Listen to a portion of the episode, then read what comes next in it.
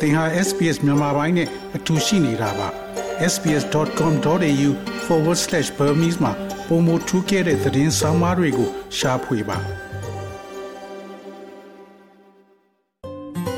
SBS မြန်မာပိုင်းကို အင်ကာနဲ့စနေနေ့ည10:00နာရီမှနားဆင်နိုင်တယ်လို့အွန်လိုင်းကနေလည်းအချိန်မီနားဆင်နိုင်ပါပြီ။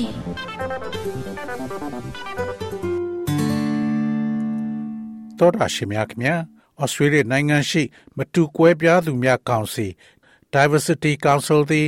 နှစ်နှစ်တစ်ချိန်ပါဝင်ပေါင်းစည်းနိုင်မှုနဲ့နှောက်ယှက်မှုနဲ့ခွဲခြားဆက်ဆံမှုများကို ပုံဖော်တဲ့လေးလာမှုတစ်ခုဖြစ်တဲ့ Inclusion at Work Index ကို Australia လောက်သားအင်အားတစ်ခုလုံးအတွက်ထုတ်ဝေပေးပါတယ်။ယခုဒီဇင်ဘာလတွင် နောက်ထပ်အညွှန်းကိန်းကို ထုတ်ပြန်ပေးမှာဖြစ်ပါတယ်။ဒါပေမဲ့လုပ်ငန်းခွင်မှာ ခွဲခြားဆက်ဆံမှုဆိုတာအတိအကျဘာလဲဆိုတာကို လေးလာကြည့်မှာဖြစ်ပါတယ်။လူမျိုးအသက်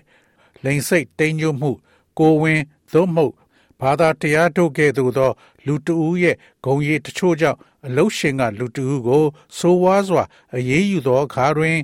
ဥပဒေမဲ့အလုခွင် ခွဲခြားဆက်ဆံမှုလို့ခေါ်ဆိုနိုင်ပါတယ်။၎င်းတွင် အချိန်ပြည့် အချိန်ပိုင်းနှင့်ကြာပန်းဝန်ထမ်းများအစမ်းခန့်ဝန်ထမ်းများအလုတ်တင်နှင့်သင်တန်းသားများနှင့်သတ်မှတ်ထားသော အချိန်ကာလအတွက်အလုတ်ခန့်ထားသူများပါဝင်နိုင်ပါသည်။ Patrick Juniorus သည် Maurice Blackburn lawyer မှအလုတ်ကင်နှင့်ဆက်မှုဥပဒေတွင် အထူးပြုထားသော အကြီးတန်းတွဲဘက်ရှေ့နေတူဖြစ်ပါသည်။ဆိုဝါသောလှုပ်ဆောင်ချက်သည်တရားဝင်ဝေါ်ဟာရဖြစ်ပြီးတစုံတဦးအား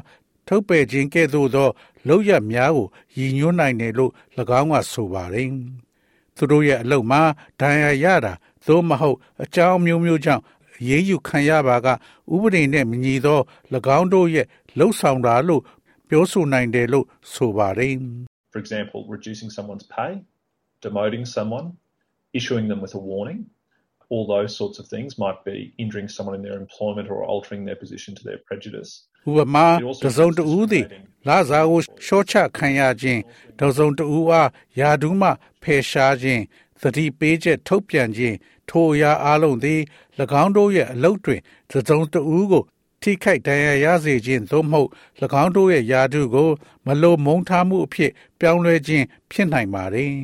ဝန်တန်းအချင်းချင်းခွဲခြားဆက်ဆံခြင်းနဲ့ပါဝင်နိုင်ပါ रे ဆိုဝါသောလောက်ရသည် ထိခိုက်စေသောလောက်ရကို လှုပ်ဆောင်ရန်ချင်းချောက်ခြင်းနဲ့ပါဝင်နိုင်ပါတယ်။ Sydney အခြေစိုက် Anderson Gray Lawyer မှအကြီးအရှေ့နေ Magnum Papias က Australia တွင် လူများအားခွဲခြားဆက်ဆံခြင်းနဲ့အနှောက်အယှက်ပေးခြင်းမှကာကွယ်ရန်အတွက် Federal ပြည်နယ်နဲ့နယ်မြေဒေသများမှဥပဒေတွေရှိကြောင်းပြောကြားခဲ့ပါတယ်။ unlawful discrimination in the workplace is when a person treats an employee less favourably than other employees because they have a particular characteristic လုပ်ငန်းခွင်အတွင်းဥပဒေမဲ့ခွဲခြားဆက်ဆံခြင်းဆိုသည်မှာဝန်ထမ်းတဦးအားလိင်လူမျိုးမသက်မစွမ်းသို့မဟုတ်အသက်စသည့်လက္ခဏာရပ်များဖြစ်သောကြောင့်တခြားဝန်ထမ်းများထက်မျက်နှာသာပေးဆက်ဆံခြင်းကိုဆိုလိုပါတယ်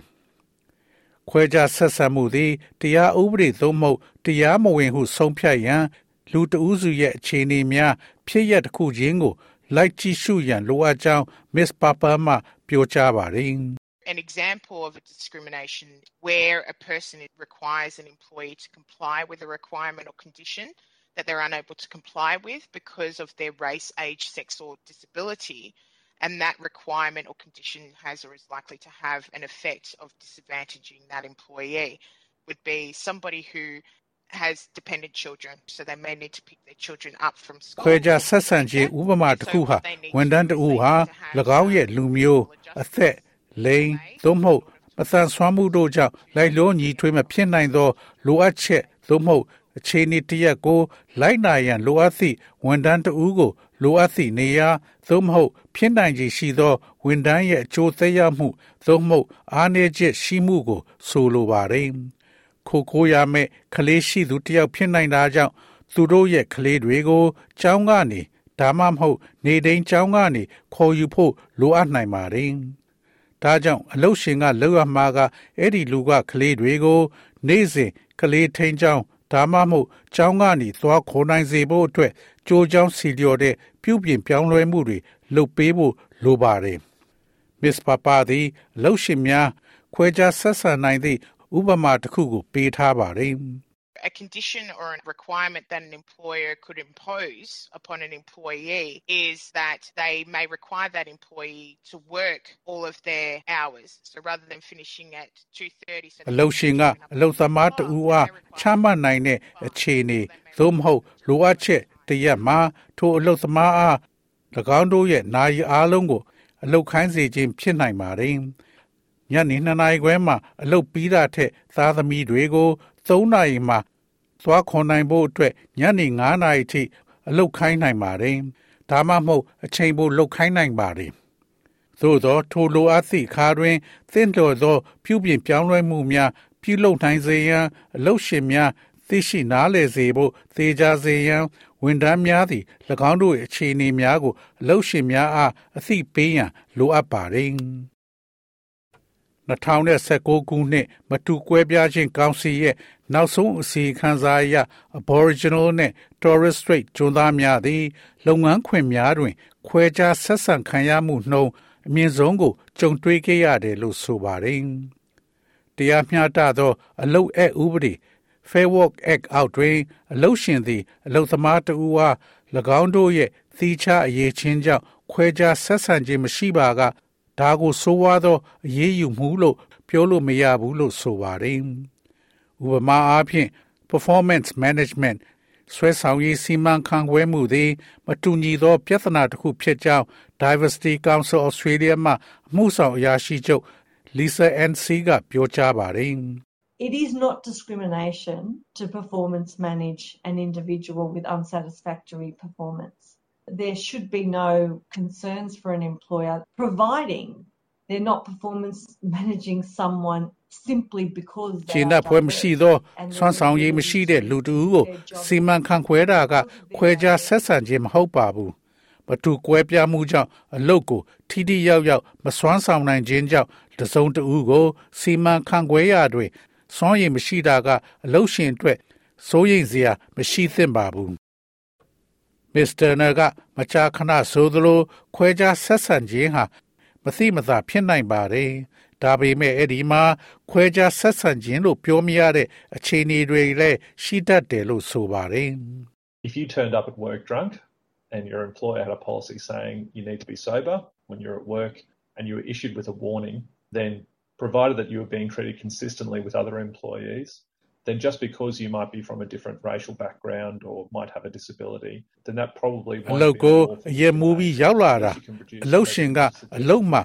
အရက်မမူရဘူးလို့မူဝါဒချမှတ်ထားရင်သင်သည်တခြားဝန်ထမ်းများနဲ့တသမတ်သေးဆက်ဆံခံရကြောင်းတတိပေးထုတ်ပြန်ထားနိုင်ပြီးတကယ်လို့သင်သည် မတူညီသော လူမျိုး၏နောက်ခံသို့မဟုတ်မသမစွမ်းသူဖြစ်နိုင်ပေမဲ့ဒါကဥပဒေမဲ့ ခွဲခြားဆက်ဆံခြင်းမျိုးမဟုတ်ပါဘူးသင်အားအဲ့ဒီအခြေအနေများမှာတခြားသူများနဲ့မတူကွဲပြားဆက်ဆံခံရကြောင်းသက်သေပြရန်အထောက်ထားတချို့မထုတ်ပြနိုင်ရင်အလုရှင်လောက်တာကတရားဝင်တယ်လို့ပြောနိုင်ပါတယ်ဒါပေမဲ့တကယ်ခွဲခြားဆက်ဆံခံရတယ်လို့ထင်ရင်ဘာလို့လို့ရပါလဲမစ္စပပါကစိုးရိမ်ပူပန်မှုများကို အလုရှင်ထံဥစွာတင်ပြရန်အရေးကြီးပြီး ဒါကအလုံးမဖြစ်ပါကကျွမ်းကျင်သောအချမ်းဉာဏ်ကိုရယူရန်အရေးကြီးတယ်လို့မစ္စပပါမှပြောဆိုပါတယ် Most employers have complaints or grievance processes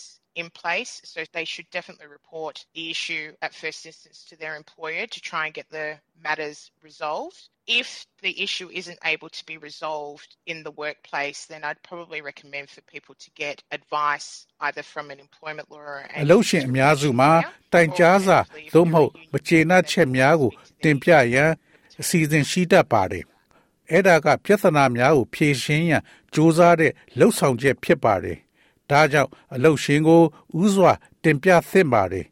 လုပ်ငန်းခွင်မှာဒီပြဿနာမပြေလည်ရင် အလုတ်ရှိနေခွဲခြားဆက်ဆံမှုစန့်ကျင်ရေးရှိနေဒါမှမဟုတ်သမဂအဖွဲ့ဝင်ဖြစ်ရင်သူတို့နဲ့တိုင်ပင်ဆွေးနွေးဖို့အကြံပေးခြင်းပါတယ်ဒါနဲ့ဆက်လင်းလို့အကြံရယူပါ ခွဲခြားဆက်ဆံခြင်းကို တားမြစ်တဲ့ဩစတြေးလျရှိခိုင်မာသော ဥပဒေများကို လူများသိရှိထားရန်အရေးကြီးတယ်လို့မစ္စတာတာနာမှပြောကြားပါတယ်။ခွဲခြားဆက်ဆံမှုအတွက်တောင်းဆိုမှုမှ ဖြစ်ပေါ်လာနိုင်တဲ့မတူညီသောရလဒ်တချို့ကို၎င်းကမိမောင်းထိုးပြထားပါတယ်။ In some cases, you might be reinstated, so put back in the job that you're performing. You might receive compensation. That can be compensation for economic loss, for example, loss of income if you've lost your job and can't be put back. You might also receive compensation for any injury you've suffered and hurt, distress, and humiliation. So, how it's made you feel. There are other things that courts and tribunals can order. In some cases, they might impose a fine against တချို့ကိစ္စတွေမှာသိအားမူလရာထူး၌ပြန်လည်ခန့်အပ်ခြင်းကိုခံရနိုင်ပါတယ်။ထို့ကြောင့်သင်လှုပ်ဆောင်နေသောအလုပ်တွင်ပြန်လည်ထည့်သွင်းခံနိုင်ရပါတယ်။ ဥပမာဝင်ငွေဆုံးရှုံးမှုအတွက်ရော်ရေးကိုသင်ရရှိနိုင်ပါတယ်။တကယ်လို့သင်ဟာအလုပ်ပြုတ်သွားလို့ပြန်မရနိုင်ပါက သင်ခံစားရတဲ့စိတ်ဒဏ်ရာနဲ့ဆက်ဆက်သောဒုက္ခနှင့်အရှက်တရားများအတွက်ရော်ရင်းငွေကိုလည်းရရှိနိုင်ပါတယ်။ထို့ကြောင့်ဒါတွေကသင်အားမြည်ကဲ့သို့ခံစားစေခဲ့ရသည်ကို အကြောင်းပြနိုင်ပါတယ်။တရားယုံများနဲ့ခုံယုံများကအမိန့်ပေးနိုင်တဲ့တခြားအရာများရှိပါတယ်။ တချို့ကိစ္စများမှာအလုရှင်အားဓာငွေချမှတ်နိုင်ပါတယ်။၎င်းတို့မှအဆိုပါတောင်းပန်မှု ဖြစ်ပေါ်လာပါကသို့မဟုတ်ထပ်မံမဖြစ်ပွားစေရန်သေချာစေရန်အလုရှင်က အလုခွင်မှာသင်သားများမိတ်ဆက်ပေးရန်အမိန့်ပေးနိုင်ပါတယ်။ Diversity Council မှ Lisa Ansef ကအလုခွင်တစ်ခုသည် လေးစားမှုရှိသည့်အခါနှင့်၎င်းသည် အလုသမားတွေကြားတွင် လူသားအချင်းချင်းဆက်သွယ်မှုကို ဖန်တီးပေးသည့်အခါတွင်ပါဝင်ပေါင်းစည်းမှုဖြစ်တယ်လို့ဆိုနိုင်တယ်ဟုဆိုပါတယ်။ Inclusion is about making the mix of people work effectively. And so creating an inclusive environment for diverse people is an active thing that organisations have to do. We know that diversity and inclusion leads to improved innovation, more လူ creative တိုင်းပါဝင်ပေါင်းစည်းမှုမှာ problem-solving လူများ that can ရောနှော၍ထိရောက်စွာအလုံးလုံးခြင်းဖြစ်ပါတယ်။ထို့ကြောင့်ပါဝင်နိုင်သောပါဝင်ခြင်းတစ်ခုသို့မဟုတ်မတူကွဲပြားသောလူများကိုဖန်တီးပေးခြင်းသည်အဖွဲ့အစည်းများရဲ့တက်ကြွလှုပ်ဆောင်ရမယ့်အချက်တစ်ခုဖြစ်ပါတယ်။အဖွဲ့အစည်းများအတွက်အရေးကြီးသော အကြောင်းရင်းမှာမတူကွဲပြားမှုနှင့်ပေါင်းဆက်ပါဝင်မှုသည် တိုးတက်ဆန်းသစ်တည်ထွင်မှုသို့ဥတည်စေနိုင်ကြောင်း ပုံမဖန်တီးမှုရှိသော ပြဿနာဖြေရှင်းခြင်း၎င်းအဖွဲ့အစည်းများအတွက်ပုံမမြင်မာသောစွမ်းဆောင်ရည်နှင့်ကုန်ထုတ်စွမ်းအားကို ဖြစ်ပေါ်စေနိုင်ပြီးအန္တရာယ်ကိုရောချနိုင်တာကို ကျွန်ုပ်တို့သိပါတယ်။သောတာရှင်များခင်ဗျာနောက်ထပ်အချက်လက်များအတွက်သို့မဟုတ်အကူအညီအတွက် Fair Work Ombudsman website ဖြစ်တဲ့ www.fairwork.gov.au တွင်သို့မဟုတ် Fair Work Info Line 131394တွင်ဆက်သွယ်ပြီးအကူအညီတောင်းခံနိုင်ပါတယ်။သင်ဘာသာစကားနဲ့အကူအညီလိုအပ်ပါကဘာသာပြန်နှင့်စကားပြန်ဝန်ဆောင်မှုဖြစ်တဲ့ TIS ကို131450တွင်ခေါ်ဆိုပြီးအကူအညီတောင်းခံနိုင်ပါတယ်။သောရရှိမြခင် SBS သတင်းဌာနကချီယာရာပဇာနိုရဲ့ဆောင်းပါးကိုဘာသာပြန်တင်ဆက်ပေးထားတာဖြစ်ပါတယ်ခင်ဗျာ။ SBS Radio App ကို download လုပ်ပြီးနားဆင်မှတ်ချက်ပြုနိုင်ပါတယ်။ဒါရိုက်သို့မဟုတ်အချိန်မီနားဆင်နိုင်ပါပြီ။စစ်တမ်းမှာပါဝင်နိုင်သလိုဆက်သွယ်မှုလည်းပြုလုပ်နိုင်ပါတယ်။ Google Play ဒါမှမဟုတ် App Store မှာအခမဲ့ရယူနိုင်ပါပြီ။